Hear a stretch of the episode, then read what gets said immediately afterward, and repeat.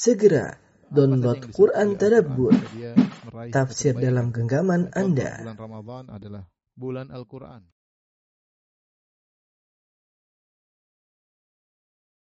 Bismillahirrahmanirrahim. Assalamualaikum warahmatullahi wabarakatuh. Alhamdulillahi ala ihsani wa syukrulahu ala taufiqihi wa amtinani wa asyhadu an la ilaha illallah wahdahu la syarika lahu ta'ziman li sya'nihi wa asyhadu anna Muhammadan abduhu wa rasuluhu da'ila ridwani. Allahumma salli alaihi wa ala alihi wa ashabihi wa ikhwani. Pada jamaah Masjid Al-Ikhlas Duku Bima yang dirahmati oleh Allah Subhanahu wa taala, kita masih eh, melanjutkan tentang kisah Nabi Musa alaihissalam yang Allah sebutkan dalam surat Al-A'raf dan kita sudah sampai pada ayat 156 dan kita akan lanjutkan ayat 157. Saya review kembali eh, di ayat 156 di mana Nabi Musa berdoa setelah beliau membawa 70 eh, murid-murid terbaiknya untuk minta uzur kepada Allah akibat apa yang terjadi di mana sebagian dari kaum Bani Israel menyembah sapi atas provokasi dari Samiri maka mereka pun pergi ke Bukit Tursina untuk bertemu dengan Allah Subhanahu wa taala. E, ternyata mereka bikin ulah di sana ya di mana mereka mengatakan kepada Nabi Musa lan nu'mina laka hatta narallaha jahra. Kami tidak akan beriman kepada engkau hai Musa sampai kami melihat Allah secara langsung. Ya. Akhirnya Allah e, apa namanya?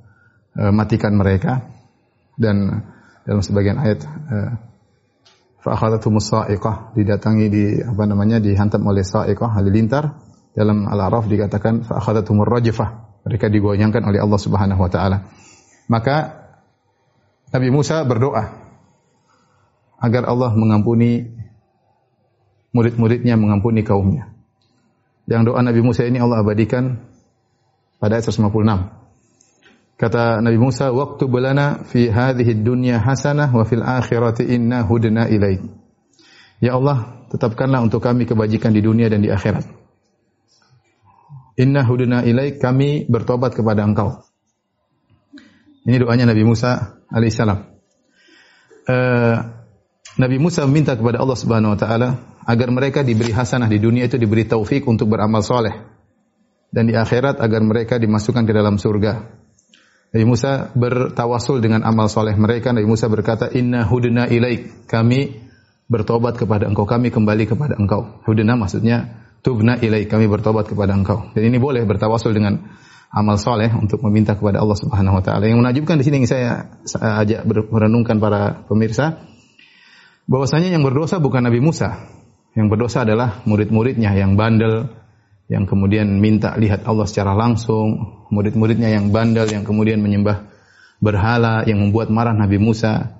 Tapi Nabi Musa sangat sayang kepada mereka. Saya kalau lihat sejarah Nabi Musa ini luar biasa bagaimana eh, apa namanya kasih sayangnya kepada kaum Bani Israel dengan dengan apa namanya eh, kebejatan mereka dan kita akan lihat bagaimana mereka sangat bejat, suka membangkang, suka menentang. Tapi Nabi Musa tidak pernah uh, menghukum mereka. Padahal bahkan ketika mereka menyembah berhala yang yang Nabi Musa marahin bukan orang-orang yang menyembah berhala tapi Nabi Harun yang dia yang dia tegur, ya.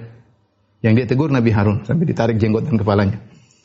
Uh, padahal Nabi Musa Nabi Musa adalah sosok yang sangat kuat kalau mukul orang langsung mati ya. Bahkan dalam hadis bagaimana dia mukul batu sampai bekas tangannya ada di batu. Saya sering sampaikan kalau kita mukul batu ya bekas batu ada di tangan kita. Nabi Musa saking kuatnya bekas tangannya ada di, di batu. Tapi dia tidak pernah marah dengan kebejatan murid-muridnya dan pengikutnya. Sampai begitu hebatnya kesabarannya sampai Nabi Musa mengatakan Nabi Nabi Muhammad SAW menjadikan ibrah ya. Ketika Nabi Nabi Muhammad SAW dikatakan, "Ya ya Muhammad, wahai Muhammad, adilah engkau." Maka Nabi Muhammad SAW mengatakan, "Rahimallahu Musa, laqad udhiya aktsara min dzalik fasabar." Sungguh ya, semoga Allah merahmati Nabi Musa, dia telah diganggu atau disakiti lebih daripada ini, namun dia bersabar. Lihat, ketika murid-muridnya yang bersalah dan Allah hukum, Allah kirimkan halilintar, Allah goncang mereka sehingga mereka jatuh. Nabi Musa menggunakan lafal inna hudna ilaik. Dia mewakili murid-muridnya, ya Allah kami bertobat kepada engkau. Padahal bukan dia yang bersalah. Ini maksud saya luar biasa murabbi maksudnya pendidik yang luar biasa Nabi Musa alaihissalam yang sangat sayang kepada murid-muridnya dengan bebalnya mereka dengan apa namanya nakalnya mereka tapi dia atas nama dia mengatakan inna hudna inna hudna ilaik. Kami kembali kepada engkau kami bertobat kepada kepada engkau. Dan sebagian ulama berpendapat karena inilah Yahudi dinamakan dengan Yahudi karena dari kata Nabi Musa inna hudna ilaik. Tapi ini dikoreksi atau dikritik oleh sebagian ulama karena uh, tentu penamaan Yahudi bukan dari bahasa Arab tapi dari bahasa Ibrani. Ada yang mengatakan dari Yahuda salah satu dari 12 orang yang merupakan anak-anak Nabi Yakub alaihissalam ya. tapi sebagian salah berpendapat Yahudi diambil dari kalimat atau kata Nabi Musa inna hudna ilaik. Apa jawaban Allah ketika Nabi Musa alaihissalam meminta hal tersebut, ya Allah, tunjukkanlah kami kepada amal soleh di dunia ini, hasanah di dunia, wa fil akhirah demikian hasanah di akhirat yaitu dengan masukkan kami ke dalam surga. Inna hudana ilaik sungguh kami bertobat kepada Engkau. Kata Allah, qala adzabi usibu bihi man asya. Allah menjawab permintaan Nabi Musa, Allah mengatakan, wahai Musa, adabku aku timpakan kepada siapa saja yang aku kehendaki. Di sini Allah menggunakan uh, fi'il mudhari. In uh, adabi usibu usibu itu uh, fi'il mudhari ya present tense ya. Aku timpakan adabku kepada siapa yang aku kehendaki. Kemudian Allah lanjutkan, wa rahmati wasi'at kulla syai. Adapun rahmatku meliputi segala sesuatu. Di sini Allah menggunakan fi'il madhi, wasi'at yaitu past tense. Ya. Uh, kata para ulama, ada faedah kita ambil dari sini bahwasanya Allah menjelaskan kepada Nabi Musa alaihissalam bahwasanya aku menimpakan azab kepada siapa yang kau kehendaki sebagai konsekuensi dampak dari maksiat yang mereka lakukan. Jadi azab itu bukan hukum asal padaku. Ya. Makanya Allah menggunakan fi'il mudhari. Aku memberi azab karena mereka bermaksiat. Aku memberi teguran, memberi siksaan kepada siapa yang aku kehendaki karena konsekuensi dari maksiat yang mereka lakukan. Dan itu yang dikhawatirkan oleh Nabi Musa. Maka Allah sebutkan azab dulu. Jadi apa yang menimpa 70 murid Muhai Musa itu karena mereka bersalah. Mereka bersalah, mereka ngeyel, harus diberi teguran, harus diberi pelajaran. Tapi Allah kasih happy ending. Happy endingnya setelah Allah sebut adab, Allah sebut rahmat. Ini di, di, diisyaratkan oleh Al-Alusi dalam tafsirnya. Wa rahmati wasi'at kulli setelah itu terakhir baru orang mengatakan rahmatku meliputi segala sesuatu. Artinya jangan kau khawatir, memang aku adab tapi rahmatku meliputi segala sesuatu termasuk 70 orang tersebut. Makanya Allah hidupkan mereka kembali ya, agar mereka sadar ya. Dan ketika Allah menggunakan rahmati wasi'at kulli syai, Allah menggunakan fil madhi, seakan-akan bahwasanya rahmat itu konsekuensi dari zat Allah. Zat Allah itu maha rahmat. Makanya dalam hadis kata Allah kata Nabi uh, apa namanya kata Allah Subhanahu wa taala inna rahmati sabaqat ghadabi. Sungguhnya rahmatku mendahului azabku. Ya. Sehingga Nabi Musa tenang wa rahmati wasiat syai. Wahai Musa jangan khawatir rahmatku meliputi segala sesuatu. Kalau mereka bertobat mereka akan dapat rahmat. Fasa'aktubuha lil ladzina yattaqun. Ada rahmat spesial rahmatku meliputi segala sesuatu. Semua orang merasakan rahmat Allah terutama rahmat duniawi, rahmat rizki, rahmat uh, dunia ini, rahmat alam semesta, rahmat oksigen, rahmat banyak ya, banyak yang dirasakan oleh seluruh makhluk. Tetapi ada rahmat khusus, fasa'aktubuha lilladzina yattaqun. Aku akan tetapkan bagi orang yang bertakwa. Wa yu'tuna zakat dan membayar zakat, walladzina hum bi ayatina yu'minun dan orang-orang yang beriman kepada ayat-ayat kami. Ya. Uh, rahmat yang khusus spesial hanya untuk orang bertakwa. Ya, agar Bani Israel ini bertakwa kalau sudah bertobat Allah hidupkan lagi mereka hendaknya bertakwa. Dan hendaknya mereka bayar zakat. Konon disebutkan bosnya mereka pelit sehingga Allah sebutkan Allah tidak sebutkan salat, Allah tidak sebutkan yang orang-orang yang salat tapi Allah mengatakan orang-orang yang bayar zakat. Agar mereka tidak pelit dan mereka bayar zakat dan itu tanda keimanan, ya. Wasadaqatu burhan bahwasanya sedekah itu bukti keimanan seseorang. Walladzina hum bi ayatina yu'minun dan juga rahmatku akan meliputi orang-orang yang beriman kepada ayat-ayat kami. Siapa mereka itu? Allah jelaskan. Alladzina yattabi'una ar-rasulan nabiyyal ummi. Orang-orang yang mengikuti jadi belum belum belum titik Allah mesti jelaskan orang yang dapat rahmat tersebut. Ini berlaku bagi seluruh Bani Israel. Allah mengisyaratkan bahwasanya Bani Israel jika di kemudian hari datang seorang nabi namanya Muhammad sallallahu alaihi wasallam, mereka harus beriman supaya dapat rahmatku. Ya mereka harus beriman supaya dapat rahmatku. Makanya Allah sambung. Fasa'aktubuha lilladzina yattaquna wa yu'tuna az-zakata walladzina hum biayatina yu'minun alladzina yattabi'una ar-rasul an-nabiy al-ummi. yaitu orang-orang mengikuti seorang rasul yang nabi, dia seorang rasul, seorang nabi al-ummi, yang ummi, alladhi yajidunahu maktuban indahum fit Taurat. Yang mereka dapati nabi tersebut tertulis di Taurat wal Injil. Apa sifat nabi tersebut? Ya'muruhum bil ma'rufi wa yanhahum 'anil munkar. Nabi tersebut menyuruh mereka kepada kebaikan dan melarang mereka dari kemungkaran. Wa yuhillu lahum dan nabi tersebut menghalalkan yang baik-baik bagi mereka wa yuharrimu alaihimul khaba'ith dan mengharamkan yang buruk-buruk bagi mereka wa yadh'u anhum israhum wal aglal allati kanat alaihim dan nabi tersebut juga membuang dari mereka beban-beban dan belenggu-belenggu yang tadinya ada pada mereka فالذين آمنوا به وعزروه ونصروه واتبعوا النور الذي أنزل معه أولئك هم المفلحون maka orang-orang yang beriman kepada nabi tersebut memuliakannya menolongnya dan mengikuti cahaya yang terang yang diturunkan kepadanya itu Al-Qur'an mereka itulah orang-orang yang beruntung sebelum saya jelaskan ayat kelima 157 saya ingin sampaikan bahwasanya ternyata syarat bagi Bani Israel Yahudi dan Nasrani kalau ingin dapat rahmat Allah harus beriman kepada nabi ini ini Allah sebutkan jelas ini perlu kita ingatkan karena orang-orang liberal mereka mengatakan e, kalau seorang beriman dengan Nabi Musa orang-orang Yahudi tidak harus mereka beriman kepada Nabi Isa dan tidak harus beriman kepada Nabi Muhammad mereka bisa masuk surga. Sama orang Nasara kalau mereka hanya beriman kepada Musa alaihissalam dan Isa alaihissalam tidak beriman kepada Muhammad maka mereka bisa masuk surga. Jadi iman kepada Muhammad bukan syarat untuk masuk surga. Ini kata orang liberal. Mereka berdalil dengan surat Al-Baqarah ayat 62 Innal ladzina amanu wal ladzina hadu wan nasara wasabiin man amana billahi wal yawmil akhir wa amila salihan falahum ajruhum inda rabbihim wala khaufun alaihim wala hum yahzanun. Kata Allah Subhanahu dalam surat Al-Baqarah, sungguhnya orang-orang beriman wal ladzina hadu orang Yahudi wan nasara orang Nasara wasabiin dan sabiin. Siapa di antara mereka beriman kepada Allah dan hari akhirat dan beramal soleh? Cuma beriman kepada Allah amal soleh. Nah, Allah tidak menyebutkan iman kepada Muhammad. Falahum ajruhum inda rabbihim. Maka bagi mereka pahalanya mereka masuk surga. Kata mereka lihat Allah tidak sebut syarat harus beriman kepada Muhammad. Inilah tafsir orang liberal yang mereka nafsirkan sendiri untuk melegalkan keyakinan mereka bahwasanya semua agama mengantarkan kepada surga. Jadi tidak harus beriman sama Muhammad kalau mau surga. Bantahannya banyak sekali, saya sudah bantah dalam risalah, tapi saya ingin bantah salah satunya dari ayat ini. Dan bantahan ini saya tidak masukkan dalam risalah, saya lupa ya.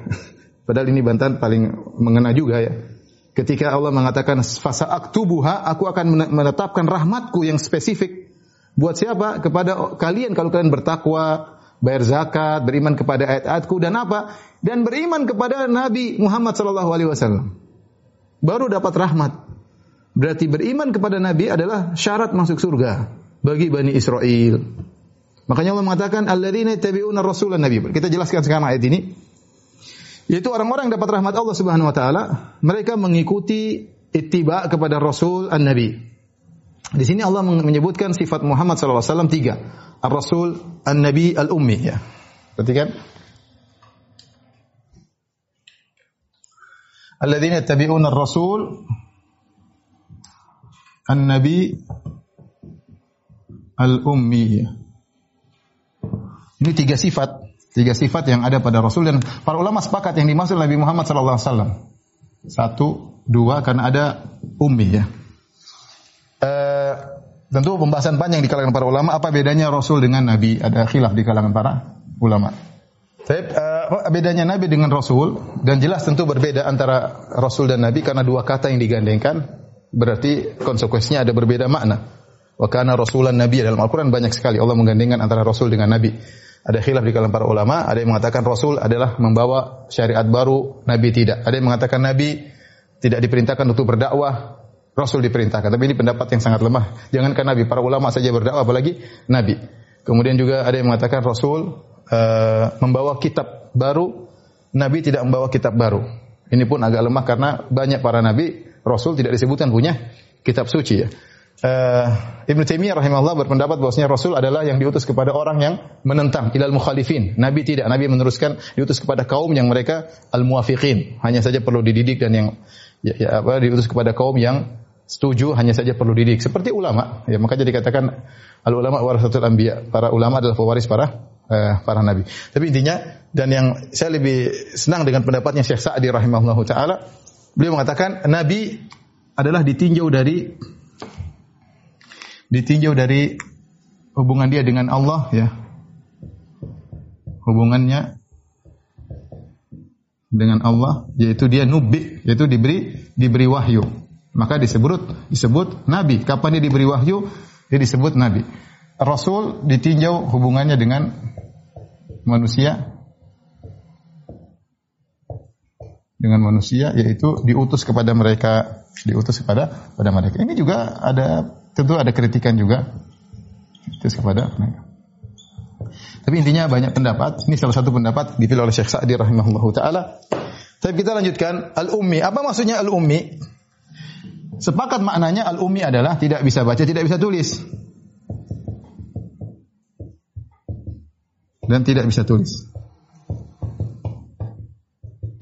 Inilah makna al-ummi. Dari mana lafal al-ummi? Ada khilaf di kalangan para ulama tentang lafal al-ummi dari mana? Ya, tiga pendapat. Ada yang mengatakan al-ummi adalah nisbah kepada uh, ummatul Arab. Dan orang Arab rata-rata tidak bisa baca, tidak bisa tulis karena mereka mengandalkan hafalan mereka. Disebut dengan umat ummiyah, nisbah kepada orang Arab. Ya, orang-orang Arab tidak bisa rata-rata tidak bisa baca, tulis. Makanya dia mengatakan nahnu ummatun ummiyah, la naktub ya, wala naqra. Kami adalah umat yang ummiyah, tidak bisa tulis. Mereka berlandaskan kepada hafalan. Tertumpu pada hafalan. Ini maksudnya zaman dahulu ya. Bukan orang Arab sekarang ya. Kemudian yang kedua ada yang mengatakan dari Ummul Qura. Um, ummi maksudnya dari Ummul Qura, maksudnya Mekah. Sama, orang-orang Mekah juga mereka mengandalkan hafalan. Ada yang mengatakan ummi dari al-um, ibu. Maksudnya apa? Ketika seorang dilahirkan dari perut ibunya dia tidak bisa baca, tidak bisa tulis. Wallahu akhrajakum min butuni ummahatikum la ta'lamuna syai'an ajalakum sama wal basar wal afida la'allakum tashkurun. Allah keluarkan kalian dari perut ibu kalian tidak bisa baca dan tidak bisa tulis. Nah, intinya Nabi tidak bisa baca, tidak bisa tulis. Sampai kapan ada khilaf di kalangan para ulama? Apakah Nabi tidak bisa baca dan tidak bisa tulis sampai penghujung hayatnya mereka khilaf setelah Hudaybiyah. Apakah ketika perjanjian Hudaybiyah Nabi tulis atau tidak? Ya, tapi pendapat yang lebih kuat Nabi SAW tidak bisa baca, tidak bisa tulis sampai penghujung hayat supaya membuktikan ini adalah mukjizat Nabi Wasallam, mukjizat Nabi, ya mukjizat. Kenapa Nabi tidak bisa baca, tidak bisa tulis, tapi ilmunya luar biasa. Bisa cerita tentang masa lalu, bisa cerita tentang ilmu yang luar biasa dan semua akui bagaimana ilmu Nabi Shallallahu Alaihi Wasallam tentang orang-orang Yahudi, tentang nabi-nabi terdahulu, ya dan macam-macam. Ini tidak mungkin kalau tidak ada yang kasih dia ilmu.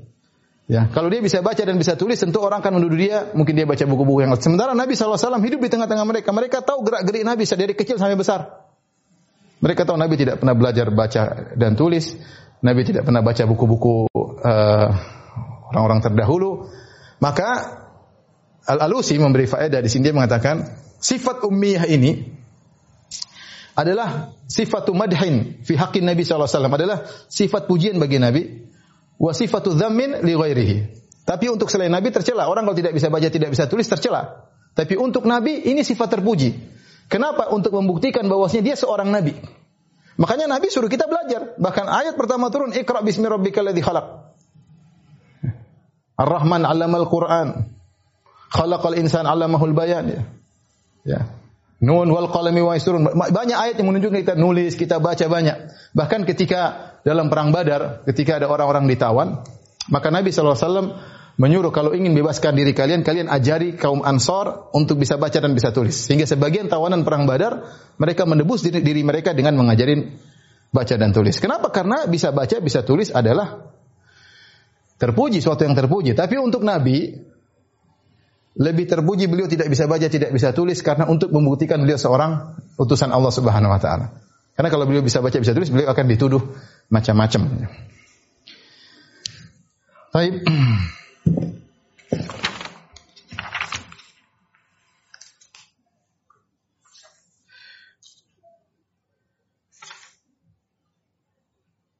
Makanya Allah Subhanahu wa taala berfirman, "Wa ma kunta tatlu min qablihi min kitabin wa la takhutuhu bi yaminik idzan lartabal mubtilun."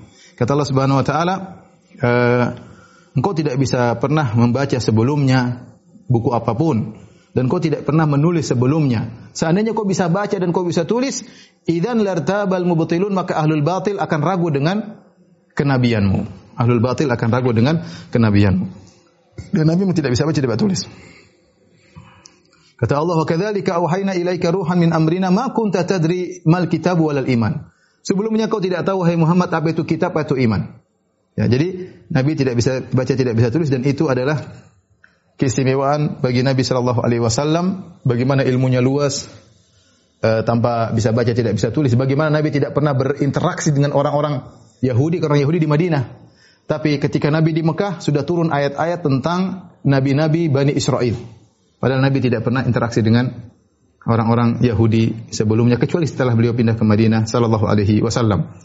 Tapi kita lanjutkan yaitu orang-orang yang mengikuti Ar-Rasul An-Nabi Al-Ummi alladzi yajidunahu maktuban indahum fit Taurat yang mereka dapati Muhammad sallallahu alaihi wasallam tertulis di sisi mereka fit Taurat wal Injil dalam Taurat dan Injil ada penyebutan Muhammad sallallahu alaihi wasallam.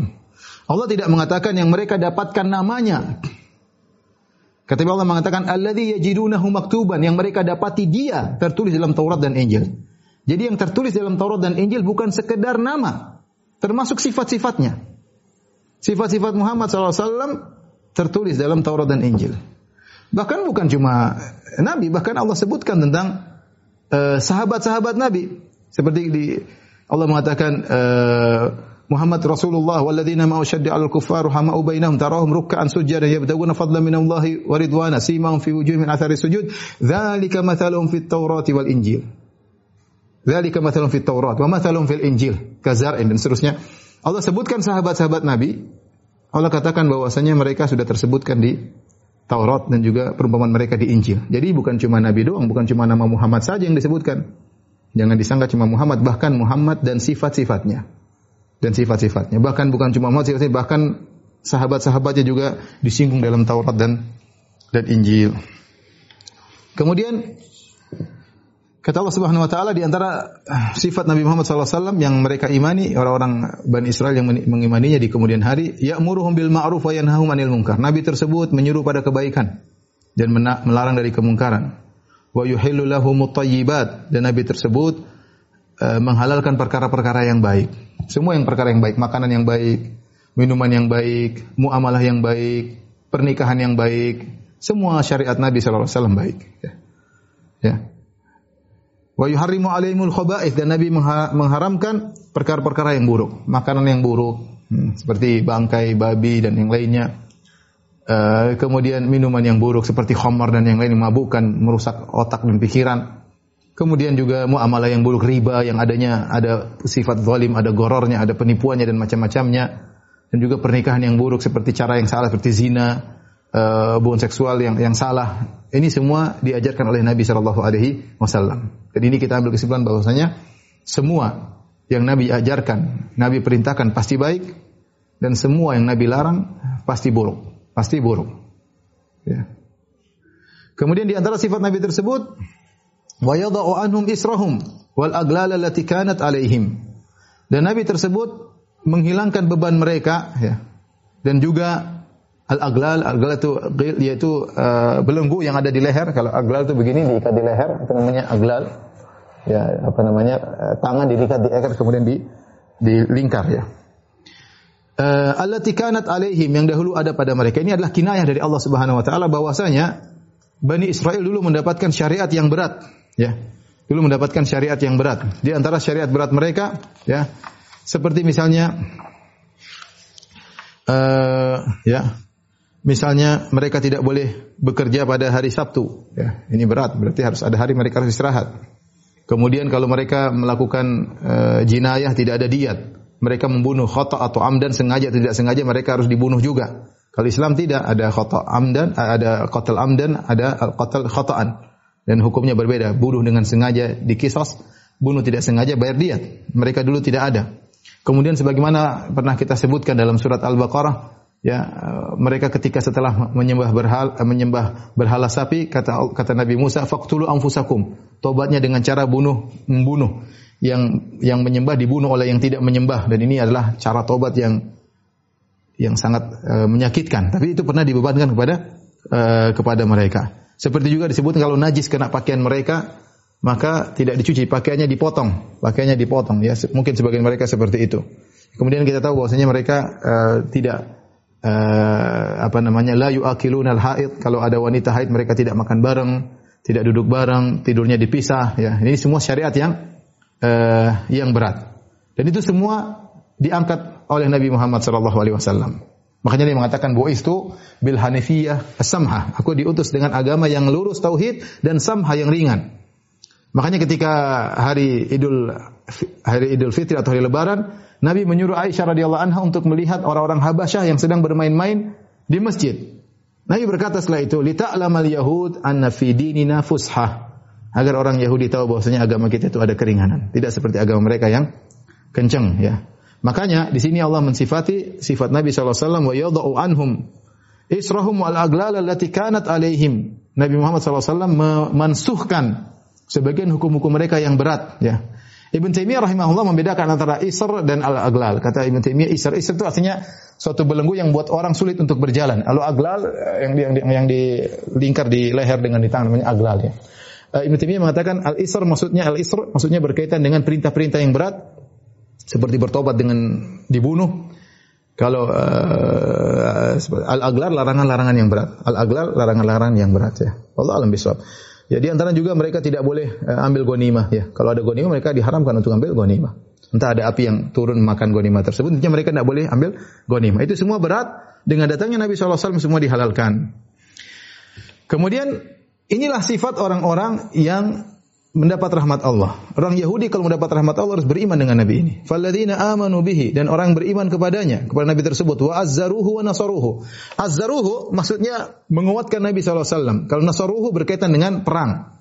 Jadi takzir dengan uh, nasr. Takzir wa azzaruhu maksudnya sebenarnya Allah mengatakan yaitu uh, kalian harus menguatkan Nabi dengan menyebutkan dari Nabi dan kalian harus mengakui dalam Taurat dan Injil ada penyebutan Nabi kalian kuatkan tentang kenabian Muhammad sallallahu alaihi wasallam dengan mendatangkan bukti-bukti.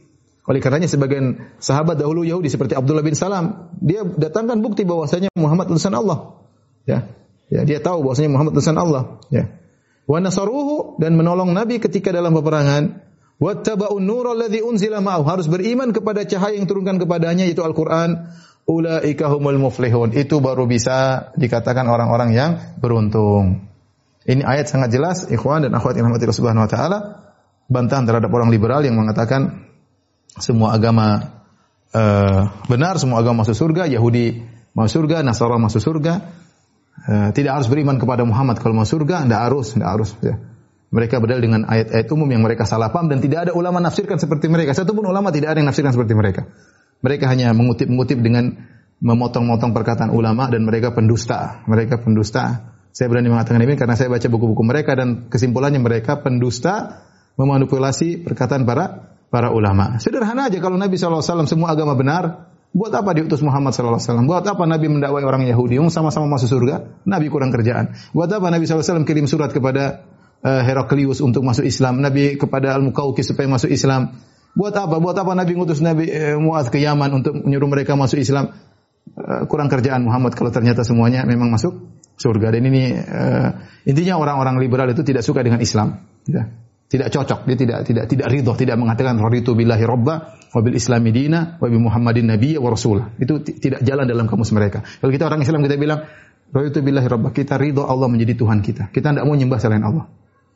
Saya tidak kita tidak ridho Nabi Isa untuk disembah. Kita tidak ridho malaikat disembah. Enggak. Yang jadi berhak disembah cuma Allah Subhanahu wa taala. Wabil Islam Medina kita ridho bahwasanya Islam sebagai syariat kita. Wabi Muhammadin nabiyyan wa rasul. Kami ridha Muhammad utusan Allah dan nabi yang diutus oleh Allah Subhanahu wa taala. Mereka tidak ridha ya. Kalau mereka tidak ridha, mereka mau selain Allah juga disembah. Mereka juga tidak ridha dengan syariat Nabi Muhammad. Mereka bilang ini harus dirubah, ini tidak relevan lagi. Ini sudah tidak cocok zaman sekarang. Intinya ini ayat adalah bantahan telak dan subhanallah waktu saya tulis uh, saya tulis desertasi saya lupa sebutkan dalil ini ya. Saya baru dapat sekarang ternyata ini di antara dalil yang tegas bahwasanya orang-orang ahlul kitab kalau mau selamat harus beriman kepada Nabi Muhammad sallallahu alaihi wasallam. Tapi kita lanjutkan ayat berikutnya. Ayat 158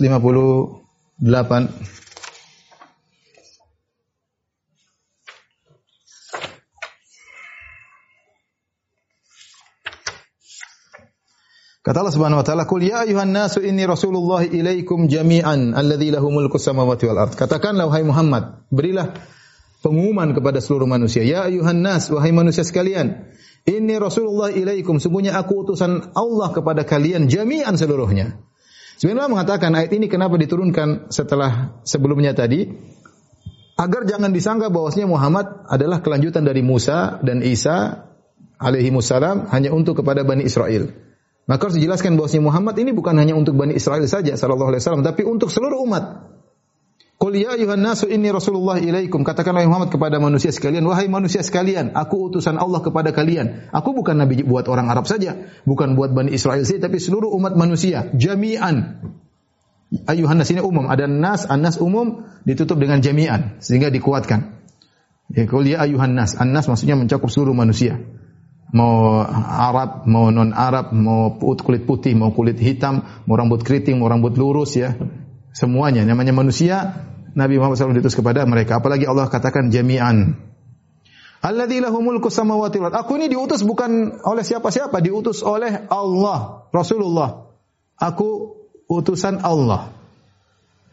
Siapa Allah itu? Alladzi mulku samawati wal yang menguasai langit dan bumi, yang dialah pemilik, empunya langit dan dan bumi. Semua langit dan bumi milik Allah Subhanahu wa taala. La ilaha illa huwa yuhyi wa yumit. Dialah Allah tidak ada yang berhak disembah kecuali Allah semata, yuhyi wa yumit, yang menghidupkan dan mematikan. Fa aminu billahi wa rasulihi. Berimanlah kalian kepada Allah dan Rasulnya. An-Nabiyil Ummi, Nabi yang ummi. Alladhi yu'minu billahi wa kalimatih.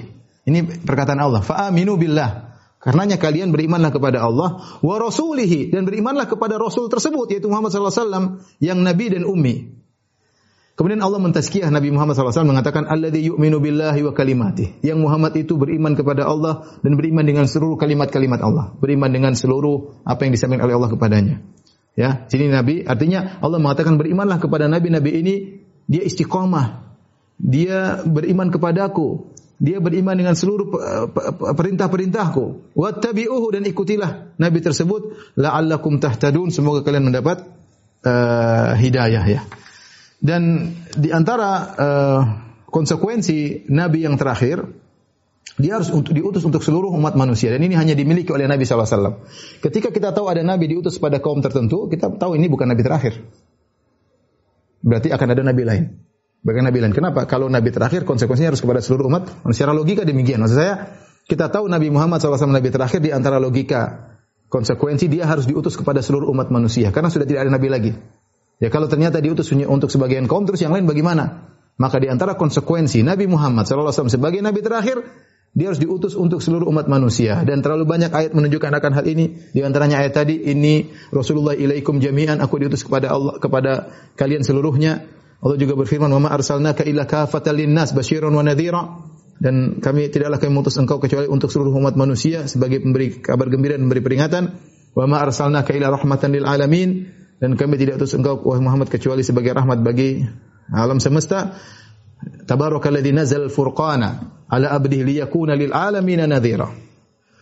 Maksudnya Allah yang telah menurunkan Al-Quran kepada hambanya liyakuna lil alamina agar sang hamba tersebut menjadi pemberi peringatan lil alamin kepada seluruh umat uh, manusia ya. Dan hadis jelas kata Nabi utitu khamsan lam yu'tahunna ahadun minal anbiya'i qabli. Aku telah diberi lima keistimewaan yang tidak diberikan kepada umat-umat sebelumnya. Di antaranya wa kanal anbiya qabli yub'atsuna ila qaumihim khassah wa bu'ithu ila nasi kafah. Adapun nabi-nabi terdahulu mereka diutus kepada umatnya masing-masing. Adapun aku diutus kepada seluruh manusia.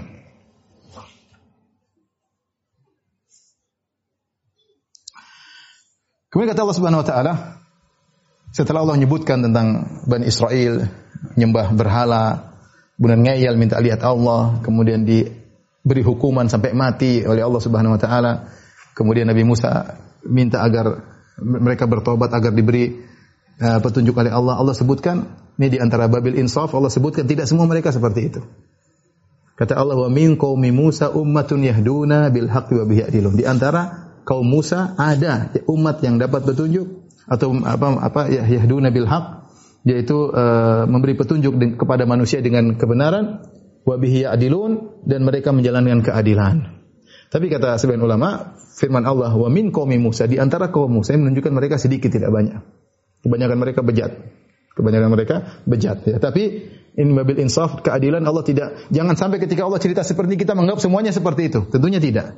Makanya Allah mengatakan wa min qaumi Musa. Di antara kaum Nabi Musa. Oleh karenanya sebagian ulama mengambil faedah dari ayat ini, mereka mengatakan kalau ada Bani Israel yang e, beriman, e, adil, kemudian kita bisa bilang dia kaum Nabi Musa. Karena Allah tidak mengatakan kaum Musa ya e, kecuali Allah memuji. Beda kalau Bani Israel, Yahud yaitu kadang Allah celah ya. Ini Allah mengatakan min qaumi Musa ya. Wa min qaumi Musa di antara kaum Nabi Musa ummatun yahduna bil haqq. Ada sekelompok orang ya, atau suatu umat ya yang mereka memberi petunjuk kepada manusia dengan kebenaran wa bihi ya'dilun dan mereka uh, adil ya. Tapi uh, mungkin sampai di sini saja dulu kawan-kawan uh, sekalian karena setelah ini kita mau jelaskan tentang kisah yang lain ya. Kayaknya panjang ya. Saya ingin sampaikan sebagian nanti terputus ya. Jadi insya Allah sampai di sini saja. Demikian eh, kepada para jamaah Masjid Al Ikhlas Dukubim rahmatillah subhanahu wa taala kajian yang kita sampaikan pada malam ini. Insya Allah kita lanjutkan pekan depan. Kurang lebihnya saya mohon maaf. Wabillahi taufiq wal hidayah. Assalamualaikum warahmatullahi wabarakatuh.